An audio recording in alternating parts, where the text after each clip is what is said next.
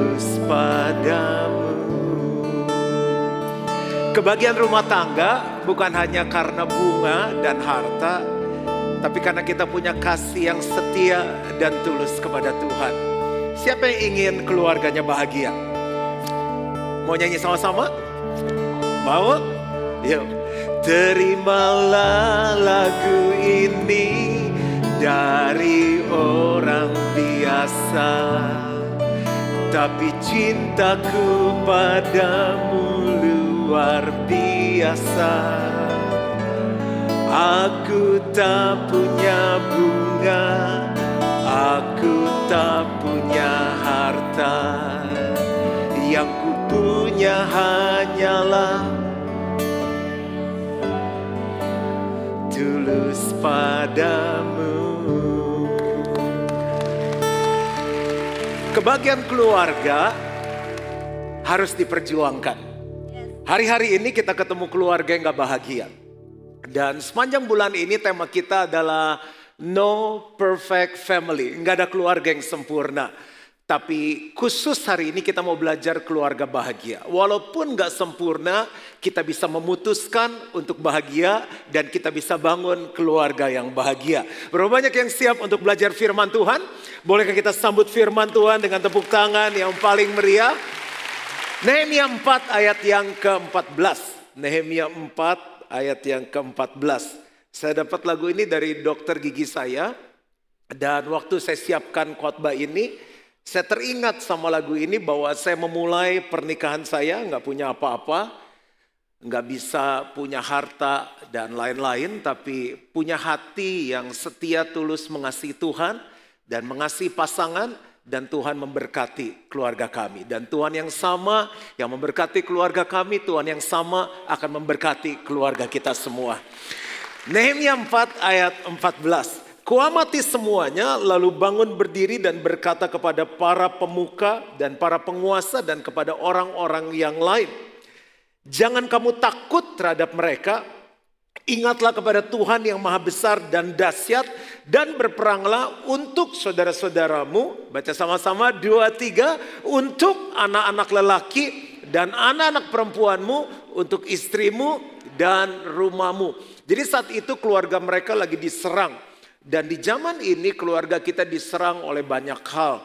Ada wanita-wanita yang lebih muda, lebih seksi, ada cowok-cowok yang lebih keren, ganteng, lebih mapan, lalu oleh media sosial, oleh banyak pergaulan dan yang lainnya. Tapi kita harus berjuang supaya keluarga kita tetap bahagia. Saya nggak bisa selesaikan semua, mungkin nanti kita bagi dalam seri. Ada empat hal yang membuat sebuah keluarga bahagia. Yang pertama, happy family is fun. Kalau keluarga kita mau happy harus fun, harus playful, harus menyenangkan, harus ceria. Kita ketemu suami harus fun, suami ketemu istri harus fun, anak-anak ketemu orang tua harus fun, adik ketemu kakak harus fun. Pertanyaannya masih fun nggak? Masih menyenangkan nggak? Pengkhotbah 9 ayat yang ke-9. Nikmatilah hidup dengan istri yang kau kasihi, sumur hidupmu yang sia-sia. Yang dikaruniakan Tuhan kepadamu di bawah matahari. Karena itulah bahagianmu dalam hidup dan dalam usaha yang kau lakukan dengan jerih payah di bawah matahari. Bapak ibu saudara coba pikir deh, kita sekolah tinggi-tinggi supaya apa? Supaya bahagia, bisa punya kerjaan yang bagus, bisnis bisa berhasil, kita kerja keras, cari uang, banting tulang, pagi, siang, sore, malam. Tujuannya untuk apa? Untuk keluarga kita bahagia. Tapi tragisnya banyak orang yang lulusan dari Indonesia, luar negeri, luar angkasa, kaya raya. Tapi keluarga mereka nggak happy. Mereka hidup hanya seperti mesin, muter terus dengan aktivitas. Keluarga harus ngerti bagaimana untuk main, untuk have fun, enjoy life together.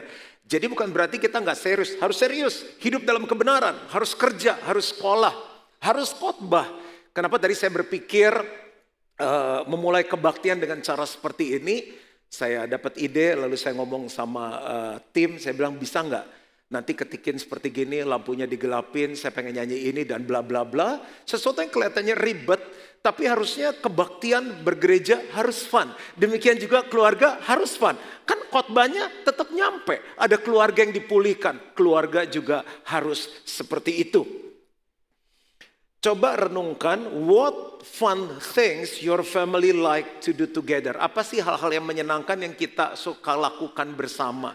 Jangan-jangan kita lebih asik ngobrol sama orang lain, main sama orang lain daripada sama keluarga sendiri. Satu uh, pertemuan saya tanya anak saya, Cak, lagi kita mau doa mesbah keluarga. Menurut kamu selama kamu jadi keluarga Mogi, apa pengalaman paling fun yang kamu inget? Dia coba inget-inget apa ya Dad ya? Coba inget-inget. Banyak ya Dad ya? Coba inget satu aja. Oh inget katanya. Dedi itu hari lagi main gitar kayak orang gila katanya kan. Saya suka bercanda-bercanda. Jadi ternyata itu diingat oleh keluarga kita. Jangan-jangan yang kita ingat cuma air mata, penderitaan, marahan suami, bacotnya istri kita, pemberontakan anak-anak, udah nggak ada lagi yang fun. Ayo, masih fun nggak keluarganya? Nah, jangan menghidupi keluarga seperti camp pelatihan, kayak militer, tegang bawahnya, siap, one, two, three, four, harap kiri, gerak. Kamu jangan bergerak. Gitu. Jadi semuanya tegang. Istri ketemu suami takut, suami ketemu istri takut, anak-anak ketemu orang tua takut. Jenderal datang, Tiara. Menghidupi keluarga seperti laboratorium eksperimen. Pernah ngebayangin dulu pernah kita praktikum di lab, lihat film-film pakai baju putih, semuanya dia tenang nggak boleh gagal, nggak boleh ini takut berbuat salah, nggak davanya diam semuanya, semuanya pegang gadget, satu di kamar satu, satu di kamar dua, satu di meja makan, satu di ruang tamu, kelihatannya seperti keluarga, tapi nggak ada lagi fun, men sana incorpore sano, satu di sana, satu di sono. Lalu keluarga seperti bisnis, ada hitungannya, kamu tahu nggak, papa ini udah banting tulang, kerja keras, semuanya untuk siapa? Untuk kamu, mana hasilnya? Semua pakai untung rugi cuan. Di toko oke om, di pasar oke om, di glodok oke om. Tapi di rumah jangan dibawa-bawa cuan. Kita hidup berkeluarga bukan cari untung, untuk berkorban. Family harus fun. Kenapa sih harus fun?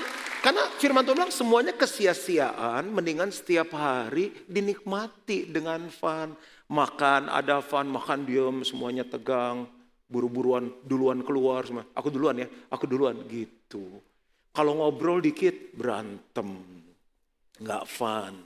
Karena apa? Waktu itu cepat berlalu.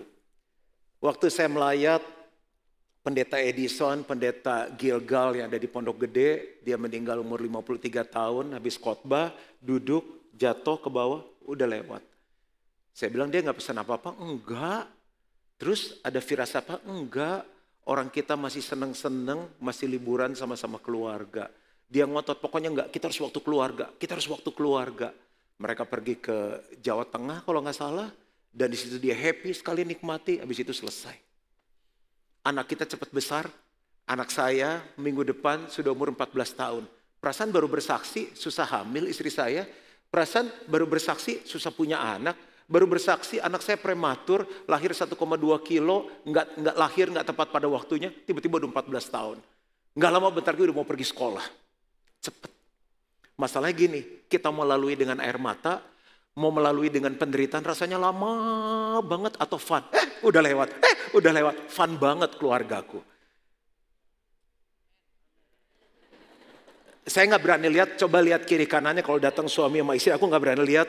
Coba lihat sebelahnya masih fun nggak? Hmm. Masih fun nggak? Saya sama istri belajar untuk terus fun. Dari kita nggak punya uang, nikmati aja. Bisa sebulan sekali makan di luar. Fun. Belum bisa pergi ke mana-mana, bisa pergi ke Bogor, pulang balik. Makan ngohyong Bogor, roti unyil, asinan Bogor, lumpia banyak banget pasar fun. Itu dulu 21 tahun yang lalu. Dan setiap tahun mulai ada berkat saya bilang kita harus pergi suami istri. Anniversary atau momen apa. Anak susah, dititip siapa? Dulu dari kecil mau ikut, mau ikut daddy, mau ikut daddy. Sekarang kalau mau pergi, pergi sama siapa? Ngapain aja? Berapa lama? Makan apa? Lihat dulu, wow, kurang enak deh. Gitu. Terlalu banyak pertanyaan. Dulu ke mana-mana ikut. Tapi kita lihat pelan-pelan dari yang rasanya sedih ditinggal, sekarang udah happy. Mau honeymoon ya gitu. Harus fun keluarga. Kapan terakhir pergi suami istri nggak ngomongin kerjaan, nggak ngomongin pelayanan, nggak ngomongin masalah, cuma you and I.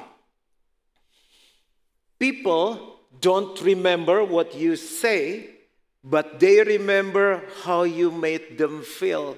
Mungkin semua yang kita ngomong dia lupa, tapi bagaimana kita buat dia merasakan sesuatu itu yang mereka ingat. Keluarga fun, keluarga fun.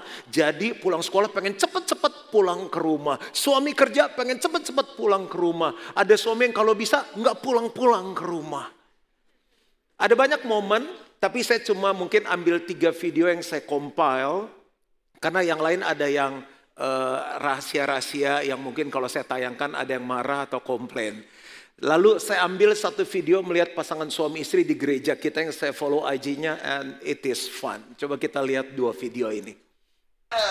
Nina Bobo. Dia udah gede minta digendong lagi. Saya gendong. Nina Bobo. Kalau tidak bobo digigit dedi. Ngantar anak sekolah bisa fun di mobil. Dia mau kuncirin rambut saya karena nggak punya adik perempuan.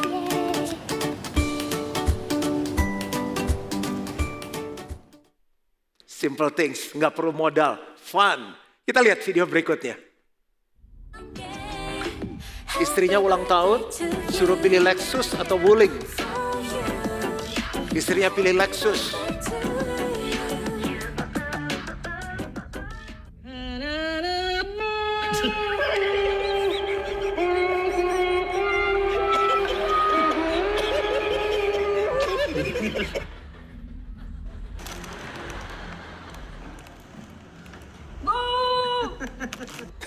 Suaminya gak bohong tapi fun. Ada ibu-ibu yang pengen Lexus? Nanti kasih alamat pastor kirim via Gojek. People don't remember what you say, but they remember how you made them feel. Bapak-bapak jangan cuma asal ngomong tiap hari. Coba dari tempat mereka, mereka fun nggak punya papa seperti kita? Mereka fun nggak punya suami seperti kita? Dan sebaliknya. Bagus banget nih, nggak ada amin ya. Bagus sekali ini. Happy family is, oh, nggak kedengeran. Happy family is fun, nggak harus banyak uang. Terimalah lagu ini yang ku punya setia tulus padamu. Fun, nggak perlu bunga, nggak perlu harta, walaupun bunga bagus, harta bagus. Yang kedua, yang kedua lebih banyak lagi materinya, happy family encourages growth.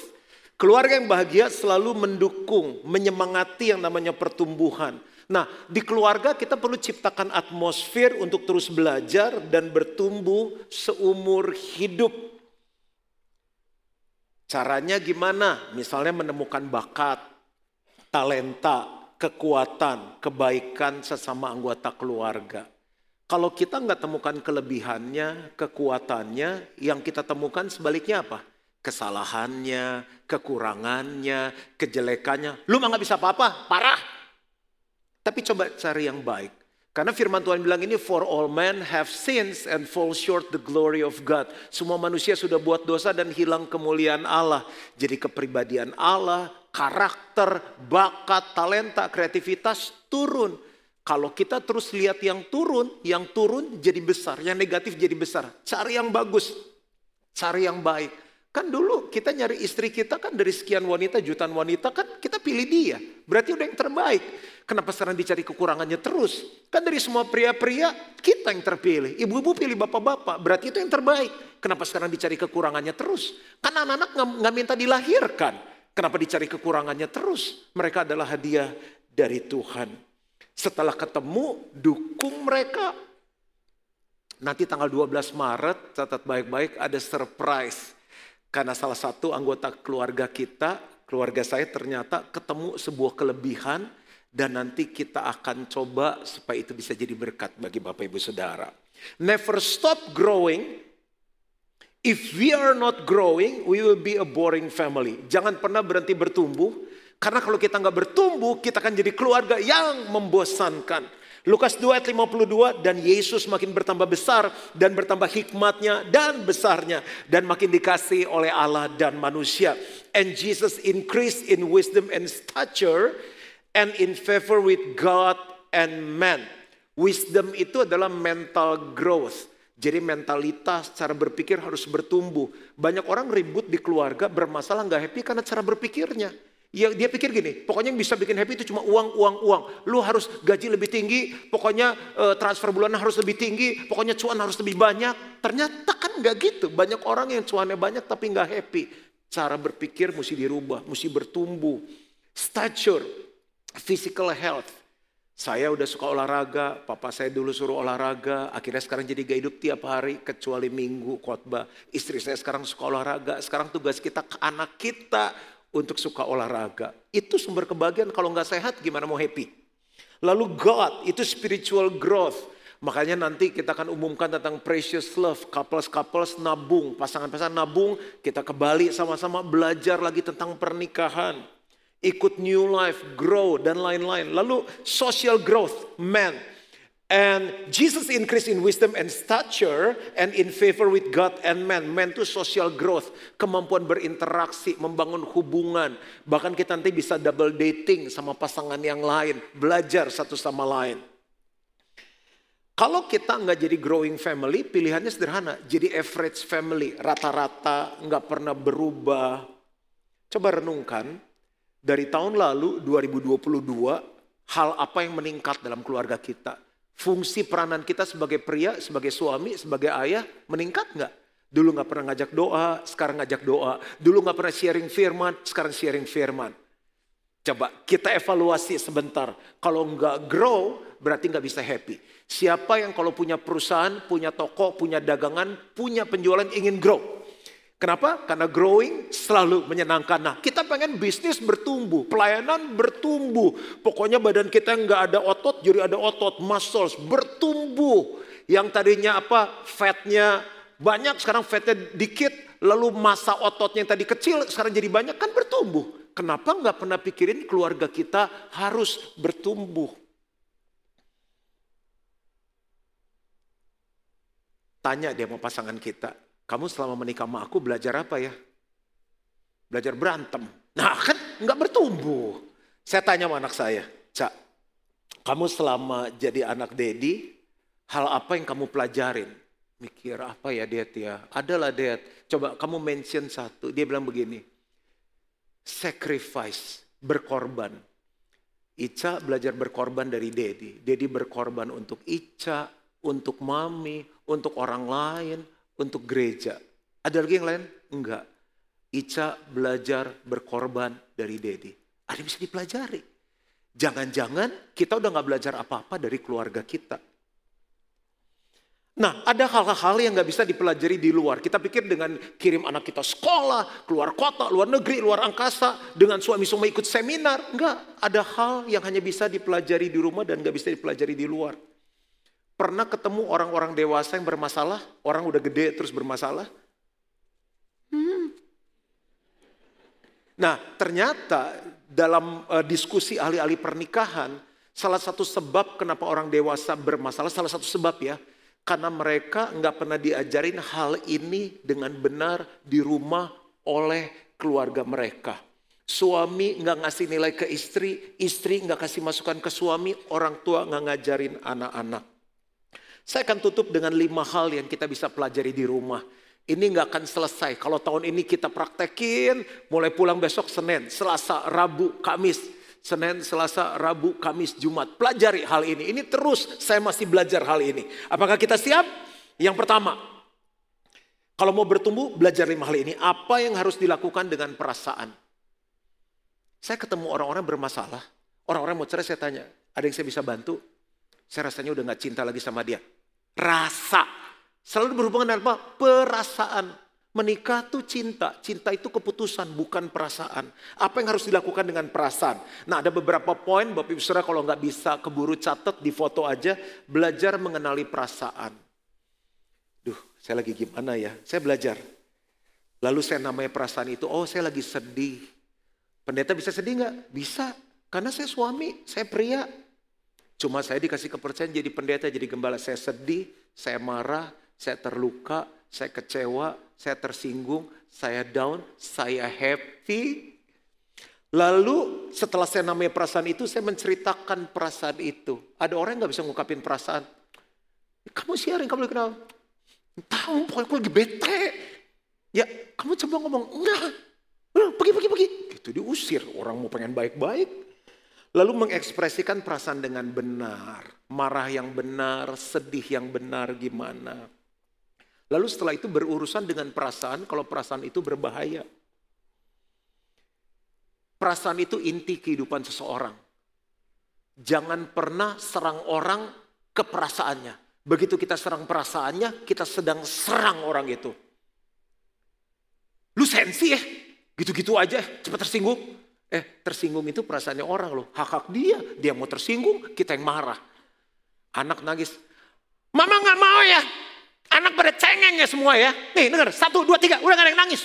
Udah keluar ingus. Kuning, hijau. Berarti, berarti, berarti. Jangan ada yang nangis.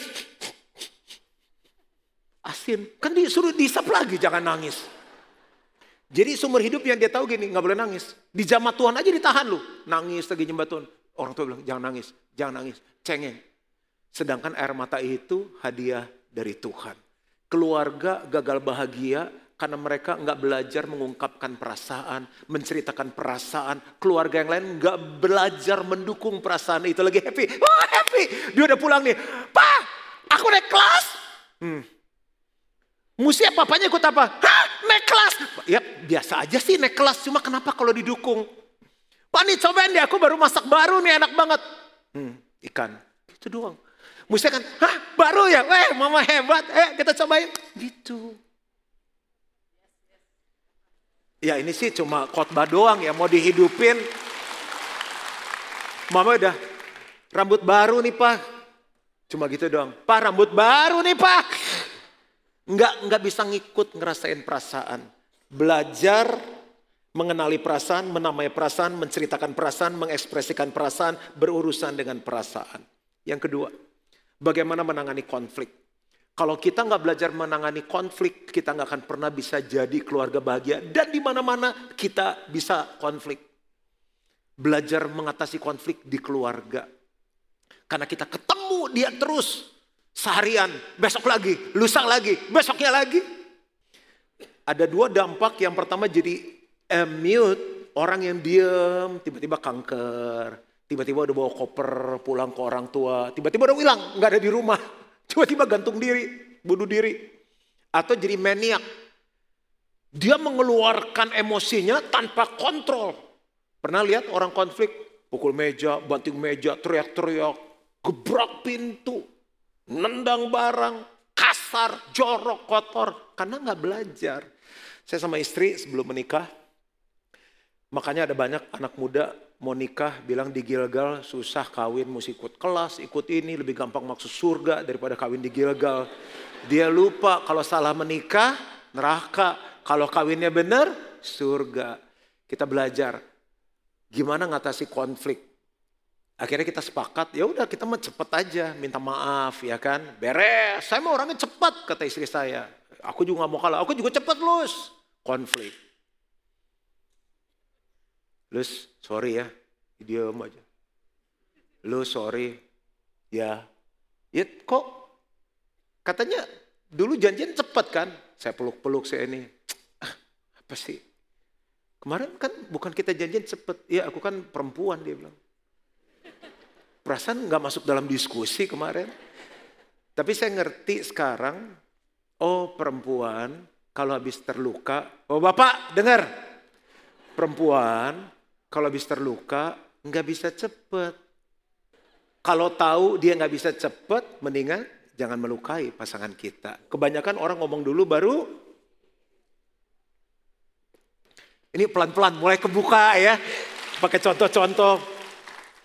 Nah sekarang kita kalau ngatasi konflik gimana?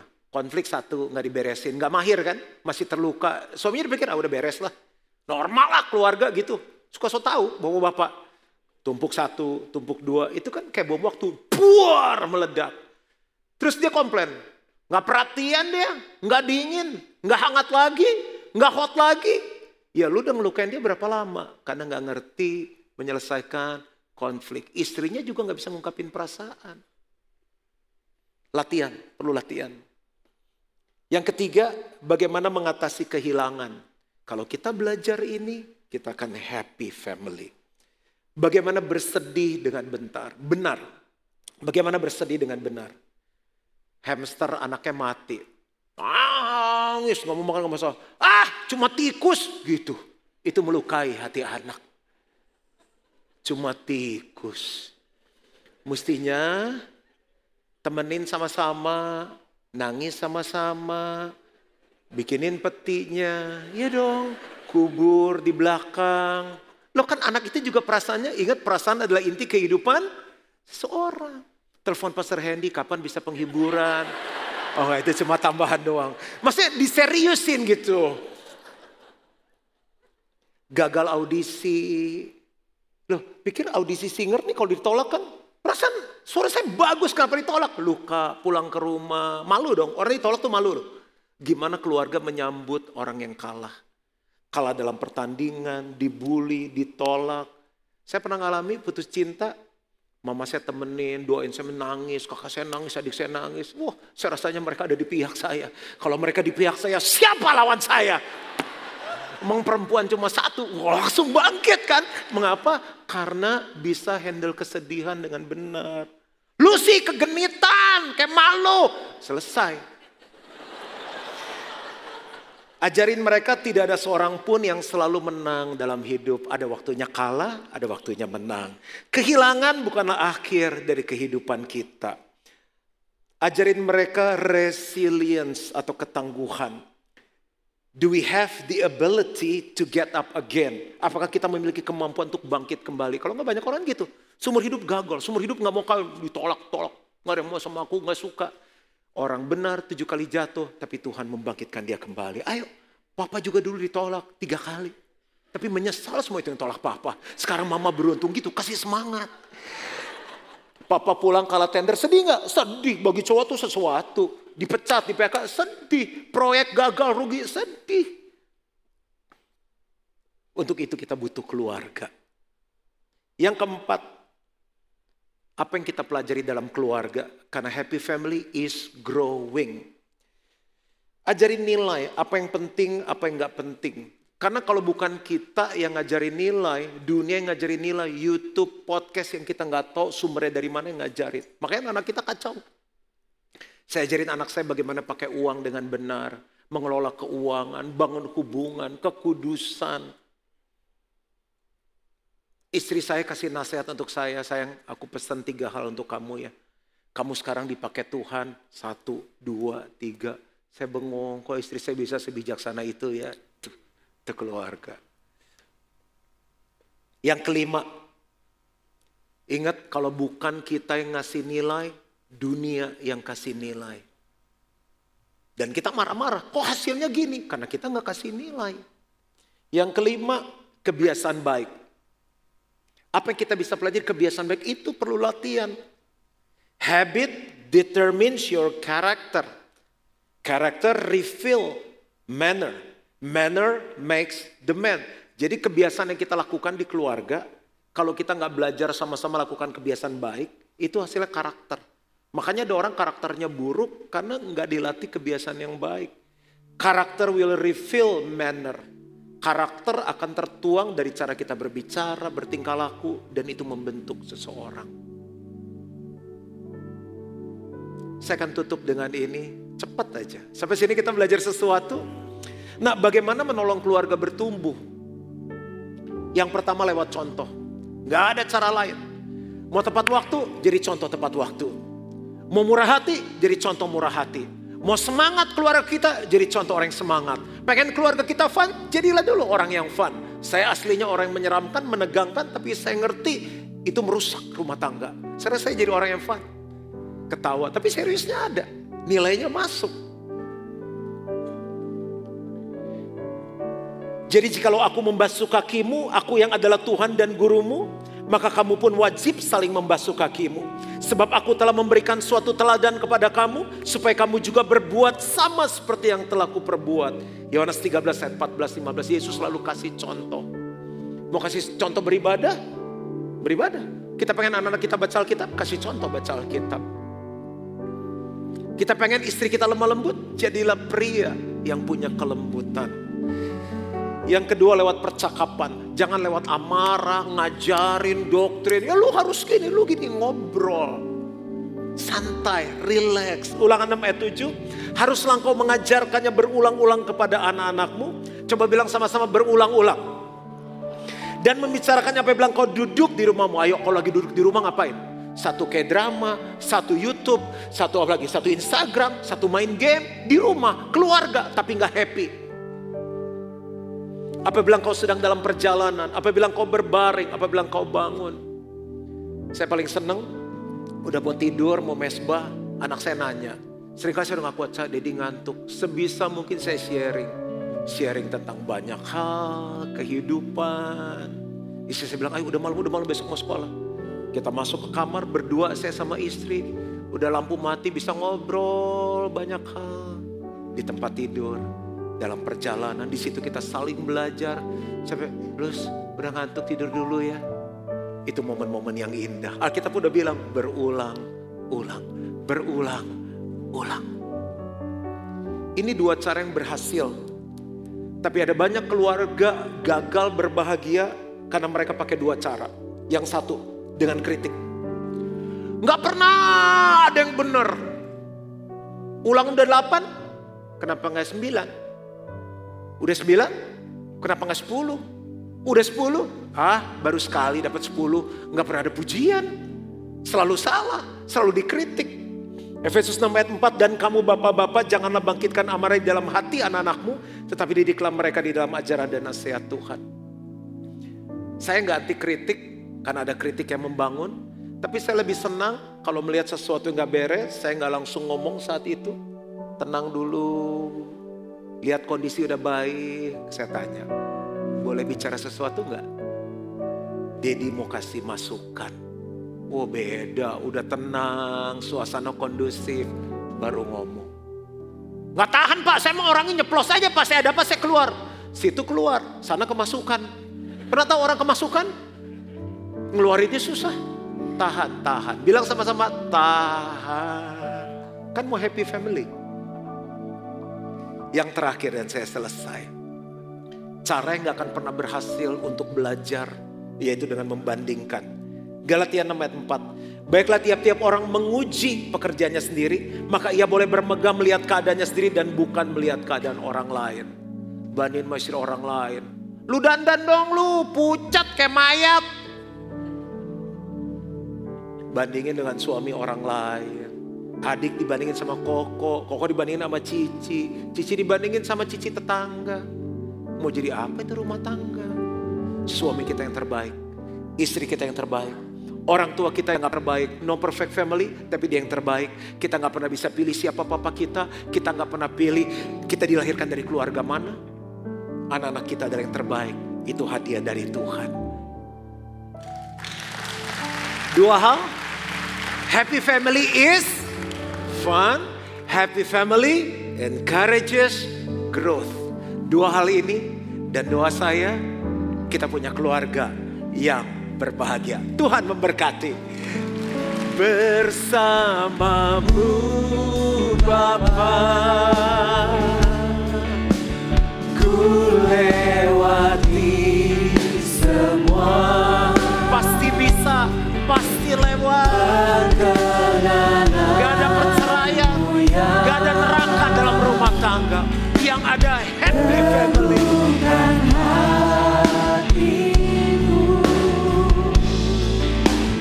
Engkau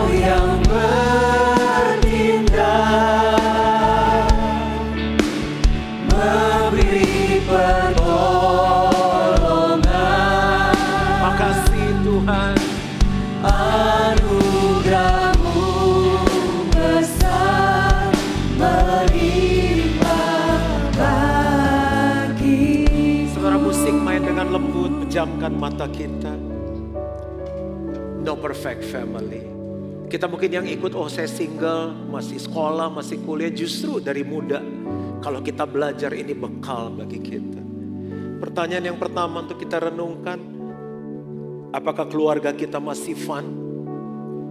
Happy family bukan karena harta, bukan apa yang kita punya, posisi, status. Tapi sebuah kasih yang tulus, kasih yang setia. Mungkin kita perlu tanya diri kita, apakah saya suami yang menyenangkan?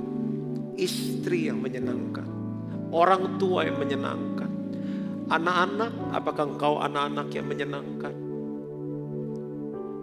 Masa kita sama orang lain bisa fun?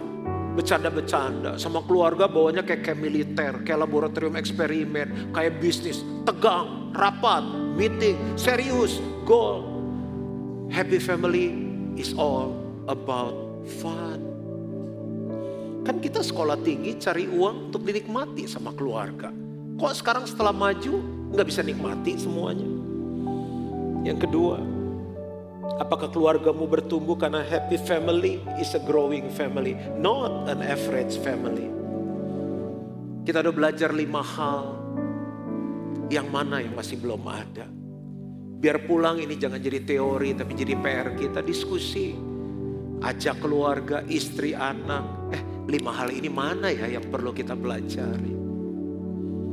Aku berdoa, nggak ada satupun keluarga di Gilgal yang nggak bahagia. Kami nggak sempurna, tapi karena ada Yesus di dalamnya, jadi sempurna. Berkati semua keluarga yang hadir di dalam nama Yesus. Amin. Amin.